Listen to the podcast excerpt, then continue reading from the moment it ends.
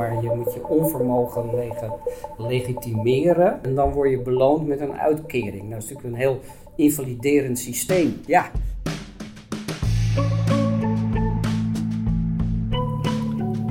Hallo lieve luisteraar, je luistert naar aflevering 8 van Praten over Depressie. In deze aflevering gaan Anneleen en ik op bezoek bij het UWV. Waar, waar staat het eigenlijk voor? Ja, ik heb het net even voor je opgezocht. Ehm, het staat voor Uitvoeringsinstituut Werknemersverzekeringen. Ah ja, En het is volgens mij onderhand het instituut dat gewoon alles doet met geld, salarissen en mensen die ziek zijn, in welke vorm dan ook. wij hebben alle twee eh, een ervaring met het UWV. en wij waren daar ook alle twee niet heel positief over. Ja, op zijn zachtst gezegd eigenlijk. Ja. Hè? We voelden ons onbegrepen, niet gehoord. Een beetje verve ja, vervelende ervaring met het UWV.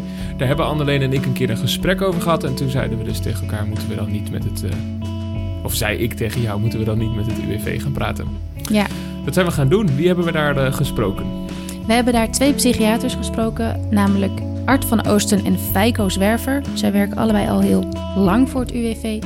En ehm, vooral Art van Oosten doet ook eh, onderzoek naar hoe het nou allemaal beter kan met werk en ziek zijn. Ehm, eigenlijk nog één ding eh, wi- wi- wilde ik nog eh, kwijt over de podcast. We gaan een beetje veranderen van vorm. Voordat we jullie naar het interview gaan luisteren, ga ik je daar nog even over vertellen. Jullie zijn van ons gewend dat je een interview hoort en daarna een nagesprek van Anneleen en mij. En eh, we gaan eh, dat opdelen in twee afleveringen. Dus nu krijg je een aflevering met een interview en een aflevering met een nagesprek. En eh, vandaag hoor je dus het interview en dan hopen we zo snel mogelijk daarna een, een nagesprek te publiceren. Ja.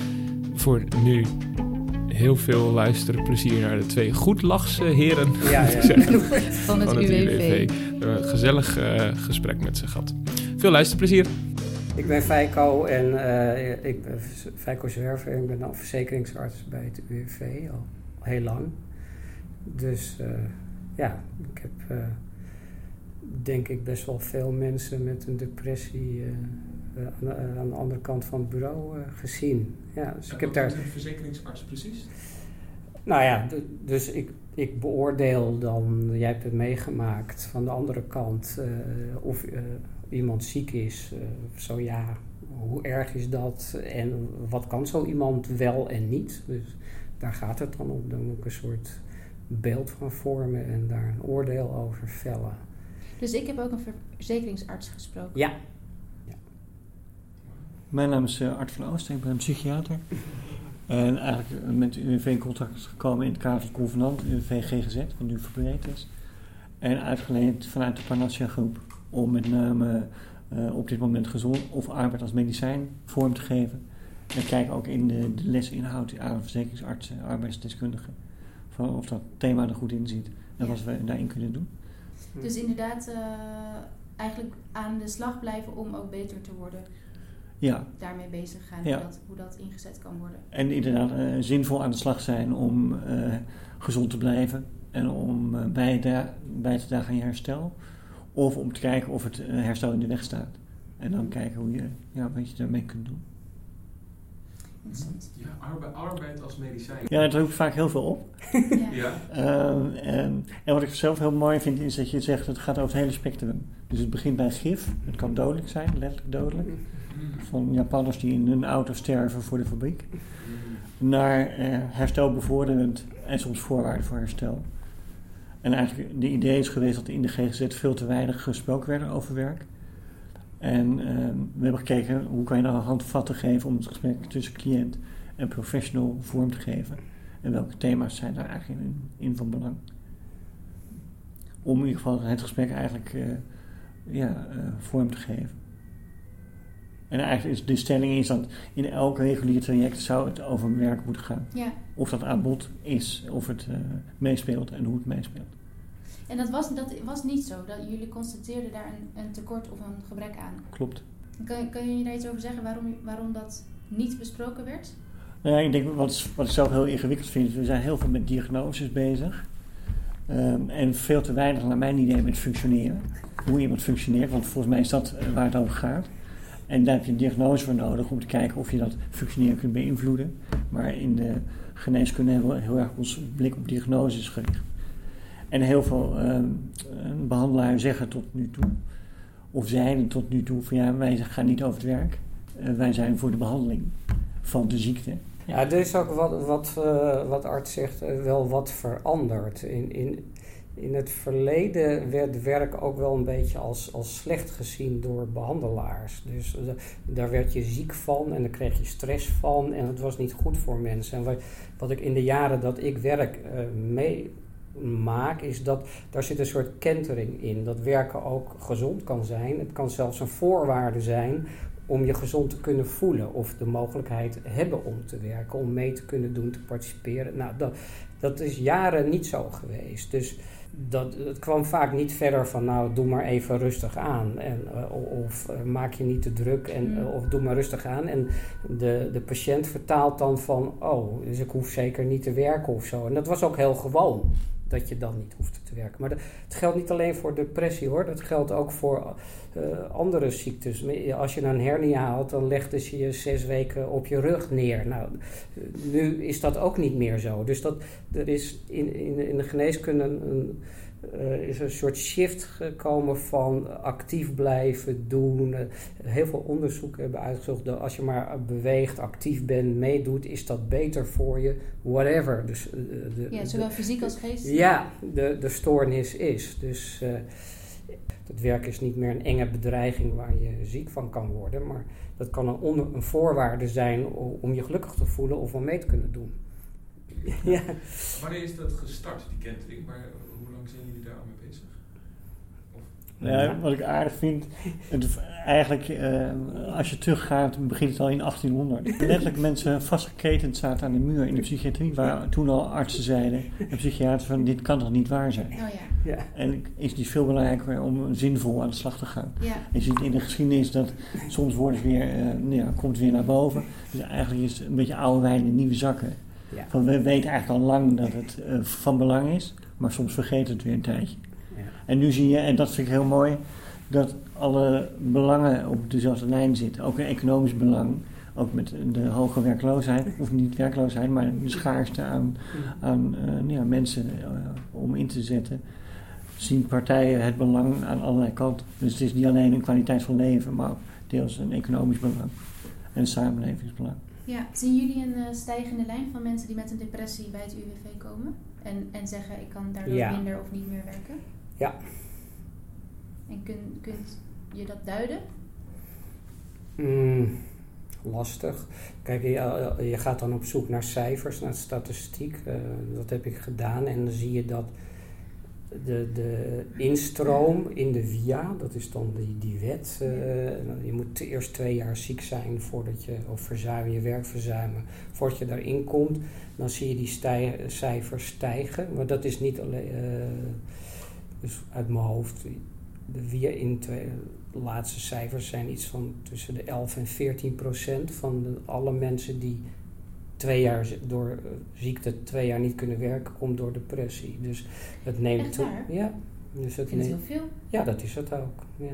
Na twee jaar namelijk ook. Ja. Dus het- oh. Ja. Huh?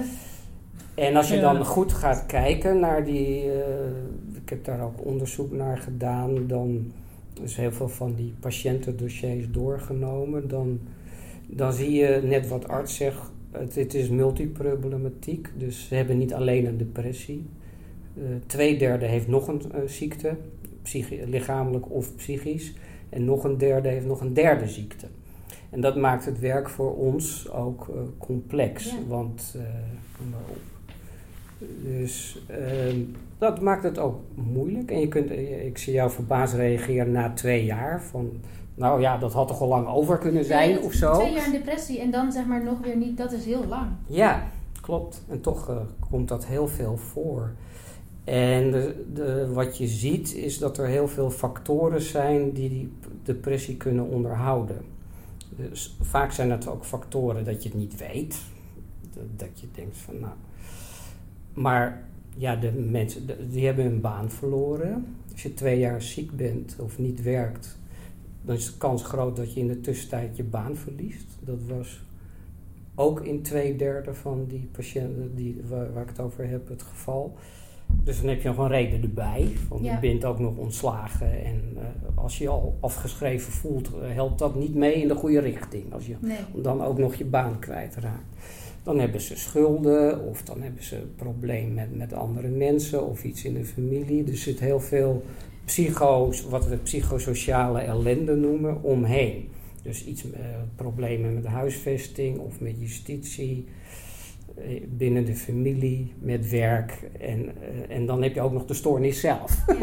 Ja. Snap je? Ja. Dus en al die factoren, of schulden of verslavingen, in de, komt erbij. Dus dat maakt allemaal mee dat dat niet zomaar even overgaat.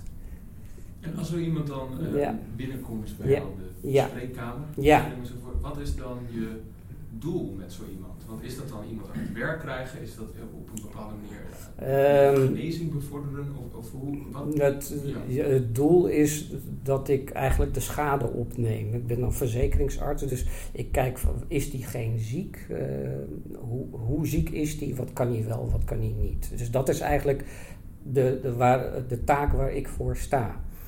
Eh, los daarvan eh, wil je ook dat het beter gaat met zo iemand en v- gebeurt er daarna. Dus iemand is ziek, het, het begint ergens, dat duurt twee jaar, dan komt hij bij mij. Dus ik kijk op een bepaald moment naar diegene in de spreekkamer. Daar kan ik een uur de tijd voor nemen.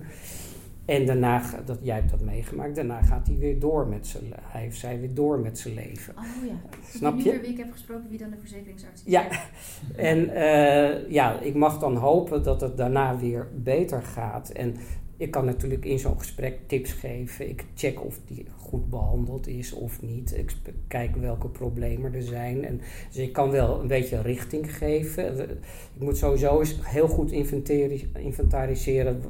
Wat is hier aan de hand? En aan de andere kant moet ik een beslissing nemen. Wat kan zo iemand nou? En dat is natuurlijk eigenlijk best moeilijk als iemand zegt van nou ik zie het echt helemaal niet meer zitten. Ik, ik heb al moeite, waarom zou ik de gordijnen nog open trekken? Want eh, ik kan er maar beter niet meer zijn. Want iemand die depressief is, kan zo denken.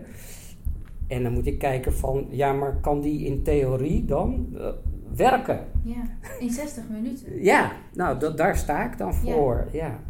Lijkt me een heel ingewikkelde taak. Is dat ook? Ja. Ja. Ik zou denken, dat is veel te weinig tijd. Ja, het- het- laat moet ik zo zeggen. Je, raakt er, je wordt erin getraind en je wordt erin opgeleid.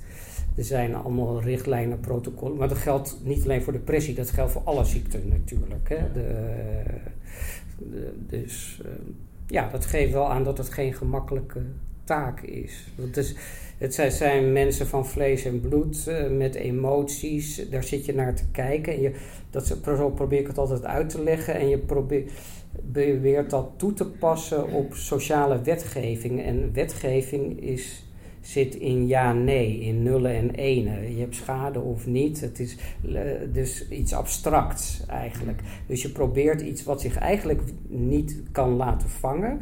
Dus hoe een mens denkt en is en voelt. En dat is eigenlijk iets, iets subjectiefs, iets veranderlijks, in de, ook in de tijd. En dat pas je toe op iets statisch. Dus ik, ik leg het altijd uit zoals een appel door een vierkant gat persen. Dat zijn we aan het doen. Dus. Kan je het een beetje volgen? Dus het past nooit helemaal goed. Kan ook Nee. niet. Dus je moet dan rekening houden met ehm, ja, zo bepaalde nuances. Dat, dat je, eh, moet je zeggen, je probeert, op zoek te gaan naar bepaalde zekerheden of feiten om het kloppend te krijgen. Alleen dat lukt je niet helemaal. Nee. Kun je Eh. een voorbeeld geven van zoiets? Is dat mogelijk? Dat je Ja, ons in een, moment dat je dacht... eh, Ja, dat is eigenlijk iedere keer hetzelfde. Eh, Kijk, wat helpt is een soort patroonherkenning. Dus dat je denkt, oh, dat, dat is zo en zo en dat heb ik vaker gezien. Zo nemen artsen beslissingen ook. Hè. Je hebt een soort intuïtie van, nou, valt eigenlijk wel mee. Of ik weet het niet, maar ik stel wat vragen, dan weet ik het misschien iets meer. Een beetje zo. En je hebt patroonherkenning van, nou, ik heb al zoveel, dat leek er een beetje op en toen deed ik dit. En nou, een beetje zo. probeer het ook een beetje, we werken een beetje als rechters, zo probeer ik ook uit te leggen. Je verzamelt allemaal informatie, daar ga je over nadenken, dat gaat hier ergens die zeef in, ga je wikken en wegen en dan neem je een beslissing.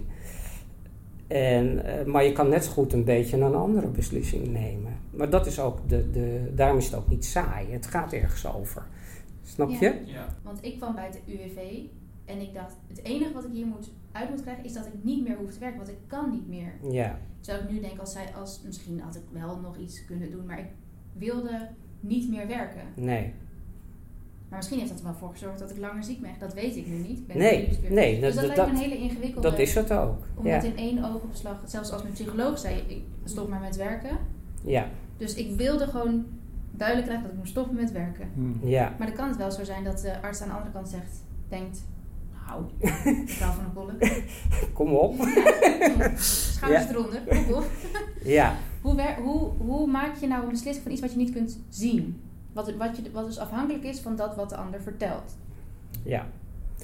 Ehm, eigenlijk door eh, een beetje gestructureerd te interviewen. Dus eh, wat arts zegt, dat, je, je gaat het niveau van functioneren af. Dus eh, we hebben dan zeg maar een soort checklist en je vraagt hoe zit het met dit, hoe zit het met dat. Dus je neemt het dagverhaal af. Dus je gaat kijken, dus jij moet dan uitleggen, je zegt ik- dat dit niet kan werken, van noem eens voorbeelden waaruit blijkt dat vanwege jouw depressie waar je moeite mee hebt. Wat gaat er nou, wat kan je nu niet wat je vroeger, toen je goed was, kan je ook over hebben hoe je toen functioneerde, maar eh, wel kon. Ja. Dus zo probeer ik in beeld te krijgen waar jouw beperkingen liggen. Dus je hebt ervaren belemmeringen. Jij, eh, het feit dat jij denkt dat je niet kan werken, kan ook een motivatieprobleem zijn. Want ik ben klaar met de wereld om me heen. Ja. Eh, ik moet van alles en dat wil ik niet. Ik noem maar wat. Is dat ziekte? Kun je over discussiëren. Maar eh, de depressie tast eigenlijk alles aan. De manier waarop je over denk- dingen denkt. Dus het kan best zijn dat jij zo denkt en jezelf afschrijft. Terwijl je misschien best wel eh, twee uur kunt mailen of chatten met een vriendin. Dus dan kan je best wel iets. Dat betekent dat je een uur kan concentreren. Waarom kan dat wel en iets anders niet? Hoe zit dat bij jou? Dus daar ga ik dan naar op zoek. Hè? Ja. Dus de dingen, eh, je, doe je iets aan sport, doe je iets aan lichaamsbeweging, wat doet het allemaal wel? Ja. En waar zitten nou die beperkingen in? Dat kan op allerlei terreinen zitten. We vragen natuurlijk, de mensen die bij ons komen hebben natuurlijk gewerkt. Daar Ja. begin je mee. Wat heb je gedaan? Hoe vond je dat? Ging dat goed? Ging dat niet goed? Noem daar voorbeelden uit. Nou, iemand kan zeggen, ja, ik heb me ziek gemeld na een functioneringsgesprek, ik noem maar wat. ik dacht dat ik het goed deed, maar anderen vonden van niet. En toen eh, ben ik mijn baan kwijtgeraakt. Nou, terwijl mensen dan van zichzelf soms ben- vinden van, ik deed eigenlijk best wel goed. Maar je bent in een soort eh, neerwaartse spiraal eh, geraakt. En toen ben ik mijn vriend ook nog eh, kwijtgeraakt. Dat is zeg maar wat verlieservaringen.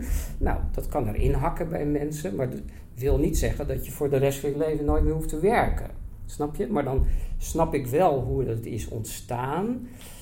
En, en dan ga je een beetje peilen van wat zou je eigenlijk willen en waar hangt dat van af? Wat is mogelijk? Ik zeg altijd, we zien mensen een beetje op een kruispunt in hun leven. Ze hebben een weg afgelegd, anders kom je niet bij mij of bij een verzekeringsarts. En je moet weer ergens naartoe gaan. Dus het is een, een belangrijk moment. Ja, zeker. En het helpt als mensen zelf zicht hebben op eh, hoe ze daar zijn terechtgekomen. Ja. Dan zie ik ook of ze zelf begrijpen wat er met hen aan de hand is. Dus als ze goed kunnen uitleggen. Ja, Wat dat, er aan dat, de hand is, ja, ja. en dan denk ik hoeveel inzicht heb je in je eigen problematiek. Dat is de weg naar herstel. Ja. Zo een beetje. Ja. Eigenlijk een beetje voortbedurend op wat jij net zei. Ehm, en ook wat mijn ervaring, ik, ik ben heel lang geleden bij, met het UWV in aanraking geweest. Eén keer toen ik in mijn depressie zat en mijn, eh, iemand die mij begeleidde eigenlijk met het eruit kwam en zei... Volgens mij kom jij in aanmerking voor een uit. Ik had ook geen geld, ik woonde nog bij mijn ouders. En ik moest eigenlijk bij mijn ouders weg om gewoon door te kunnen met mijn leven Hmm. weer iets op te bouwen. Dat was een beetje een on, ongelukkige situatie daar. En zij zeiden, ja, je, je moet eigenlijk ergens inkomsten van hebben om huur te kunnen betalen om ergens, nou goed. En toen had mijn begeleider tegen mij gezegd, misschien kan het UWV iets voor je doen. Toen had ik daar een gesprek. En toen zei die man, nou, ja, dit is mijn herinnering. Ehm, volgens mij kan je best zes koekjes in een doosje stoppen. Waarom kun je dat niet?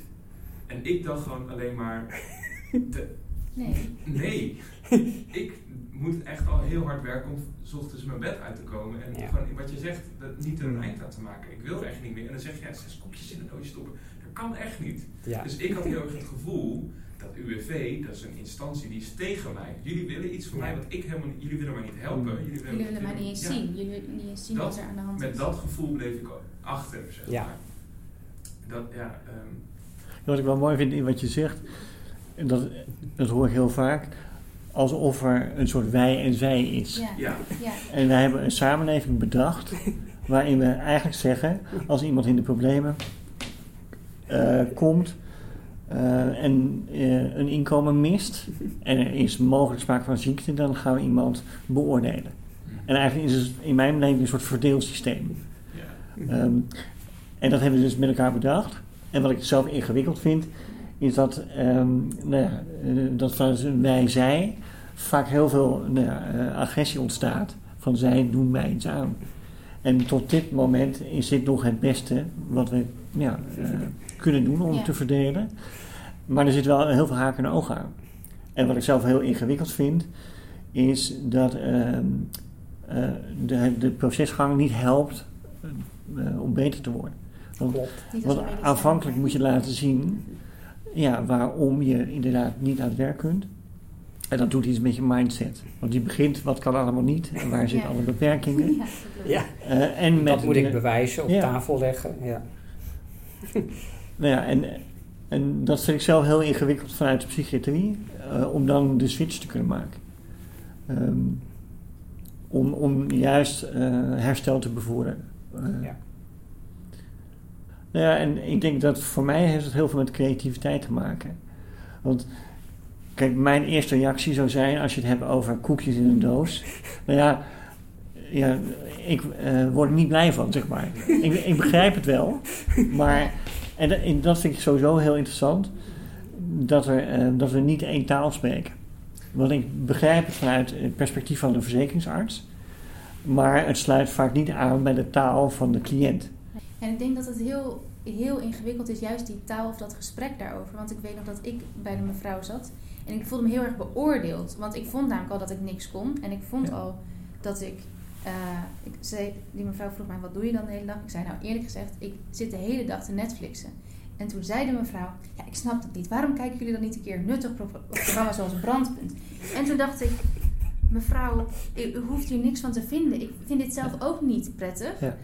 Dus ik voelde me, dus inderdaad, ik, dat had ik aan Maarten verteld. Ik voelde me toen een beetje vernederd. Want ik dacht, ja, ik weet het. Dit, stelt, dit is niet oké. Ik weet het, mevrouw. Daarom zit ik ook hier en dan zeg ik u dat ik... Maar dat ze daar commentaar op had, dat deed mij zo... Terwijl ze ze bedoelde het waarschijnlijk heel aardig. En ze had het misschien wel eigenlijk over de eigen kinderen van mijn generatie. Dat ze dacht, kind, wat hebben jullie toch allemaal met Netflix? Was heel waarschijnlijk helemaal niet persoonlijk bedoeld. Maar ik was er wel echt een beetje stuk van.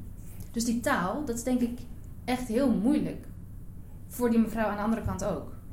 Dus ik weet niet of, of daar trainingen voor zijn. Of dat dat, hoe jullie dat zo van boven naar beneden leren of trainen om over geestelijke gezondheid te praten.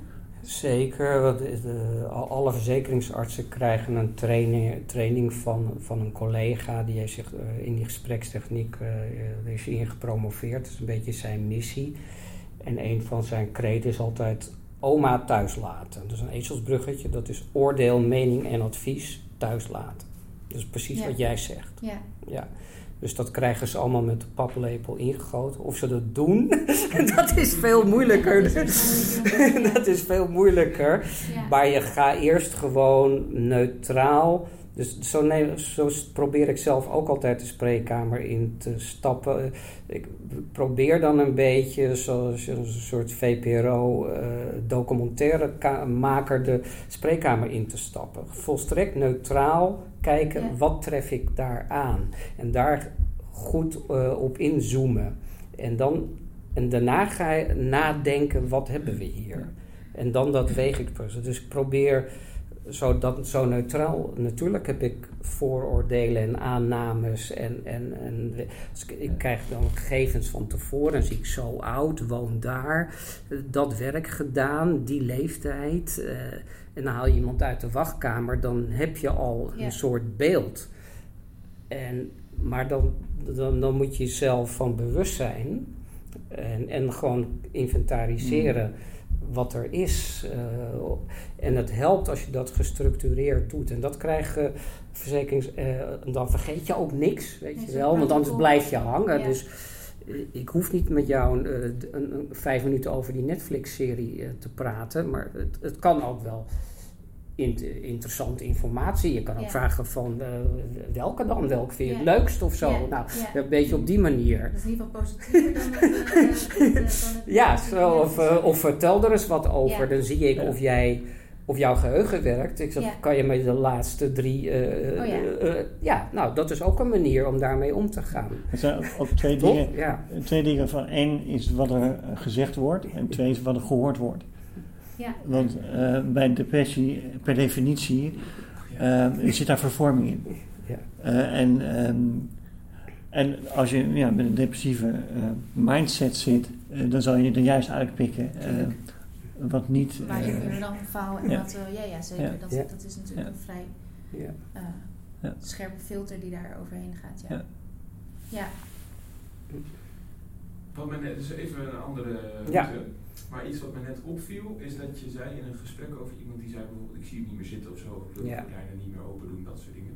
En toen dacht ik opeens, hebben, hebben eh, verzekeringsartsen daarin ook een, ehm, Meldplicht. ja, zoiets, of heb je wel Ja. een situatie dat je denkt, hé, dit, maar dit is echt niet goed. Ja, Of deze, ja. dus, Ja, er je gebeurt... er altijd naar bij eh Ja. mensen met depressie? staat dus in In de... protocol. Staat in de suicidaliteit, denkt u veel aan de dood? Ja. Hoe vaak? Eh, hoe, eh, vertel erover. Wie weet er dat? Weet uw behandelaar dat? Heeft u daar wel eens tegen verteld? Als u plannen heeft, wat gaat u doen? Hoe dan? Nou, dus concretiseren. Daar zijn mensen gewoon heel eerlijk in. Ja, voor is mijn ervaring, ja. Wat ik daar wel heel moeilijk in vind, ja, dat we een soort maakbaarheidsideaal hebben. Ja. Eh, en dat vind ik ook heel moeilijk. Kijk, ik denk dat het veel te weinig over gesproken wordt. Dus ik denk dat het heel goed is om het bes- bespreekbaar te maken. Maar waar ik moeite mee heb is een soort ondertoon van het, het eh, hoeft nooit. Eh, je kunt het voorkomen. En ik denk wat je kunt doen Nu is heb je het over zelfmoord. Ja, Ja. ja, suïcide is Ja. zelfmoord. Ja. ja. Je kunt het voorkomen. En ik denk waar het om gaat is als je als aanleiding eh, is om het erover te hebben, heb het erover. En doe wat in je macht ligt om iemand te ondersteunen. Waar ik moeite mee heb is dat er heel vaak eh, nou ja, de idee ontstaat veel, eh, het is wel gebeurd, iemand heeft zich gesuicideerd. Ja, eh, waar ligt de schuldige bijna? Oh van eh, ja, wie had het moeten zien, wie had het moeten behandelen, wie had het moeten voorkomen. En ik denk dat dat, dat vind ik wel heel mooi in wat jullie doen. Je kan zeggen het gesprek onderling over depressie, hoe voel je dat op gang. Ehm, ik denk dat eh, in het algemeen, ook voor hulpverleners, dat het gesprek over psychische problematiek veel eenvoudiger wordt als die maakbaarheid een beetje afgaat. En dat is dan veel breder. Ik denk ook aan, nou ja, aan gezinnen eh, waarin eh, nou ja, eh, een, een vader bijvoorbeeld vrouw en kinderen uit of de dood, zeg maar. Ja. Ook daar is heel vaak de vraag van als er geen hulpverlening was, die had er moeten zijn. Ja. En als die er wel was, heeft, hebben ze het niet goed gedaan. Dus dan is voor hulpverleners is het, is het gesprek ergens ingewikkeld omdat ze dan ook verantwoordelijk worden, mocht het misgaan. Of zich verantwoordelijk gaan Ja. voelen. En eh, ook en daarin, omdat ze denken, Ja. oh ja, wat alles erg eventueel goed zou moeten gaan. en ook daarin ontstaat zo'n wij-zij. Ja, Van wij zijn eh, degene die, die het overkomt. En zij moeten of het eh, voorkomen of oplossen. Maar dat ik denk aan beide kanten taboe is.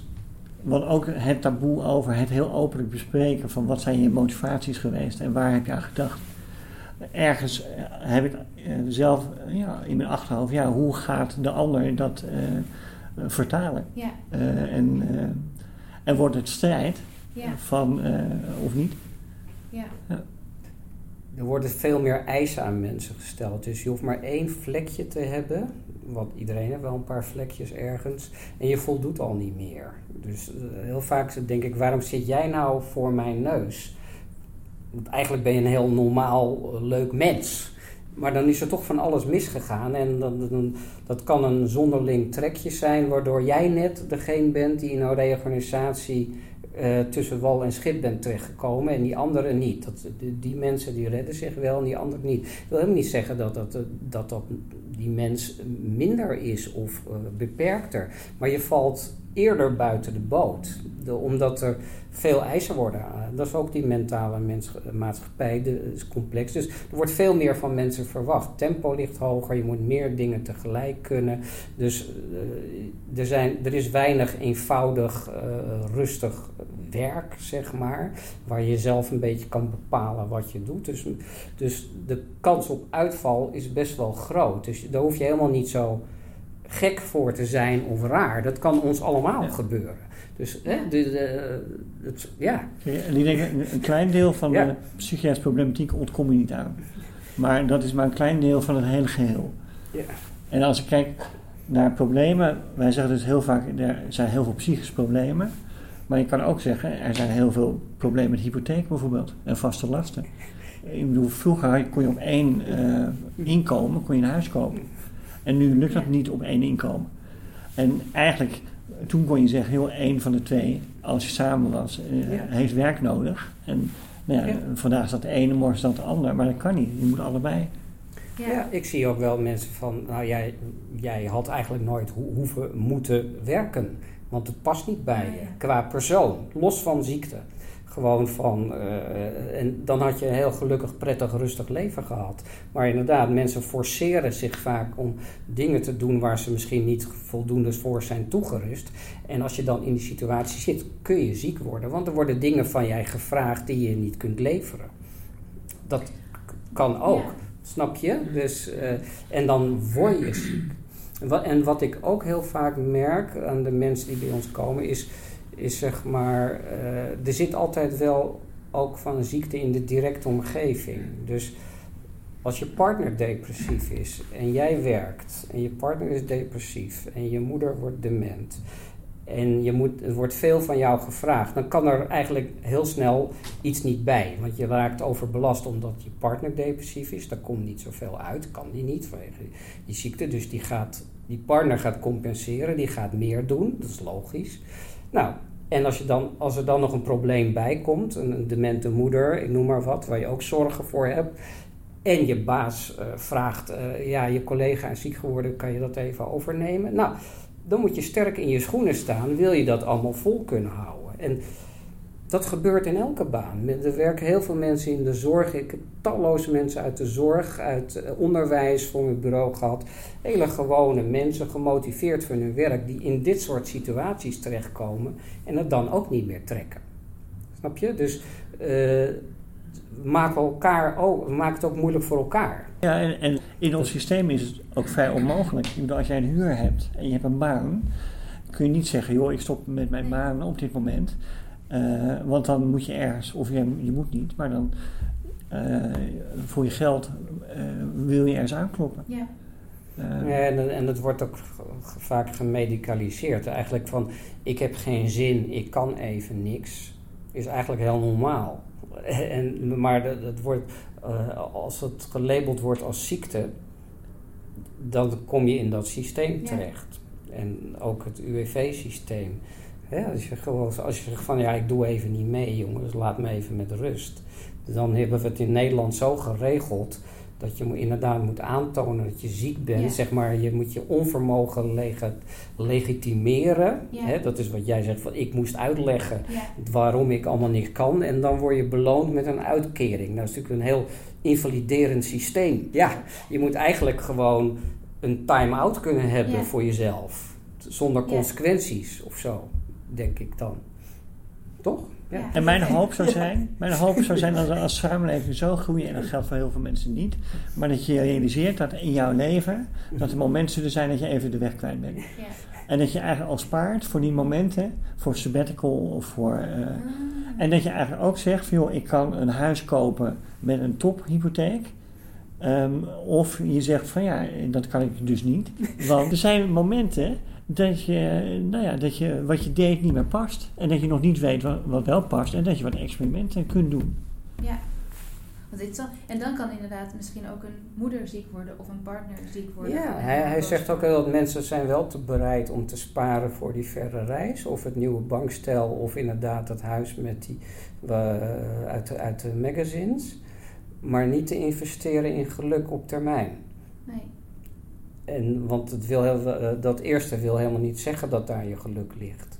In die tophypotheek Nee. op die mooie plek. Misschien wel als je wat ruimte of tijd voor jezelf inbouwt. Waarin je kunt experimenteren. Dat is een andere manier van denken. Maar dat, dan leg je dan... Heel veel mensen leggen de lat eh, voor zichzelf ook best wel hoog. En dat, eh, ik, mijn dochter zit op middelbare school. Nou, dat, dat zit er al helemaal in, in dat systeem. Dat, dat, ze moeten dit, ze moeten dat. Er wordt, eh, en eh, dan, ze moeten dan van alles voldoen. En, en op de universiteit zeg maar de medische burn-out, 20% van de geneeskundestudenten Ja. heeft een burn-out. Dan denk ik. Wat is dit? Ja. Dat zijn jonge, gezonde mensen die eigenlijk hartstikke goed zijn. Allerlei kwalificaties hebben. Die een tijdje geleden moest je, mocht je pas geneeskunde studeren als je, als je gemiddeld een 8 of hoger had op het gymnasium. Nou, dan kan je wat. Ja. En, dat, en, en eh, dat 20% loopt daar met een burn-out rond. Dan denk ik van, dit is toch niet de goede weg, denk ik dan. Dirk de Wachter onder academie ook alle promo eh, Ja. promovendi ook 20% burn-out of zo. Ze zijn Ja. ook hele capabele Ja. jonge mensen. Ja, Waar En- de druk en- te hoog is of zo. ja. Ja, ik snap de uitdrukking arbeid als medicijn steeds beter. Ja, ja. dat begint Ja. voor mij ook zo. Ja. Ja. Dat, dat hij nu dus inderdaad niet... Maar het moet wel werk zijn wat dan bij je past. Hè? Eh, Dat, Ja. dat scheelt, dat beschermt dan. En wat ik, wat ik aardig vind, en, en je ziet wel een soort tegenbeweging. Want, en, en dat komt ook weer bij die maakbaarheid. Er is een tijd geweest, eigenlijk eh, alleen maar succes is heilig. Ja. En mijn hoop zou zijn dat, eh, dat je, eh, dat voor iedereen geldt, ja, geluk is dat je goede en slechte periodes hebt. En dat je gaat ervan uit dat een deel van je eh, leven ellendig is. Ja, En daar is niks mis mee. Nee. Eh, en daar gebeuren ook mooie dingen in. Maar wij hebben nog steeds de neiging om dat weg te poetsen.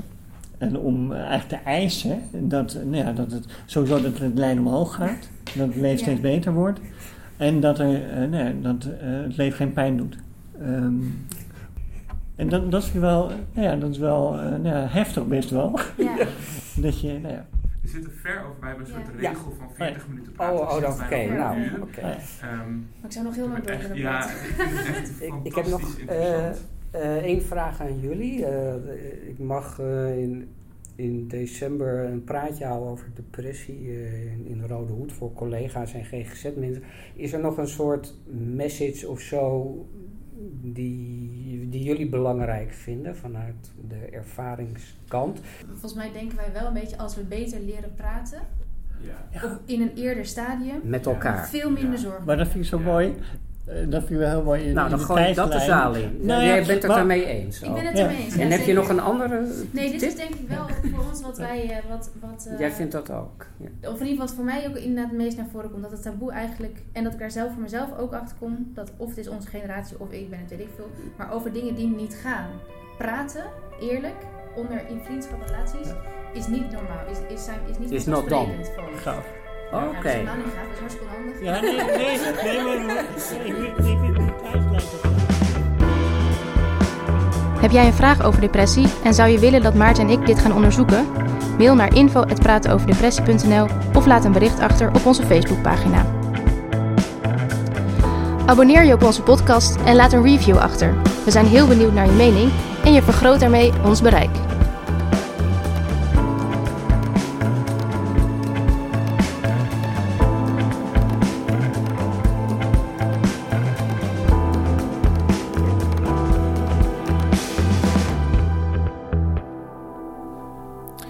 Denk jij aan zelfmoord of ben je bezorgd om iemand? Bel 0900 0113 of ga naar 113.nl.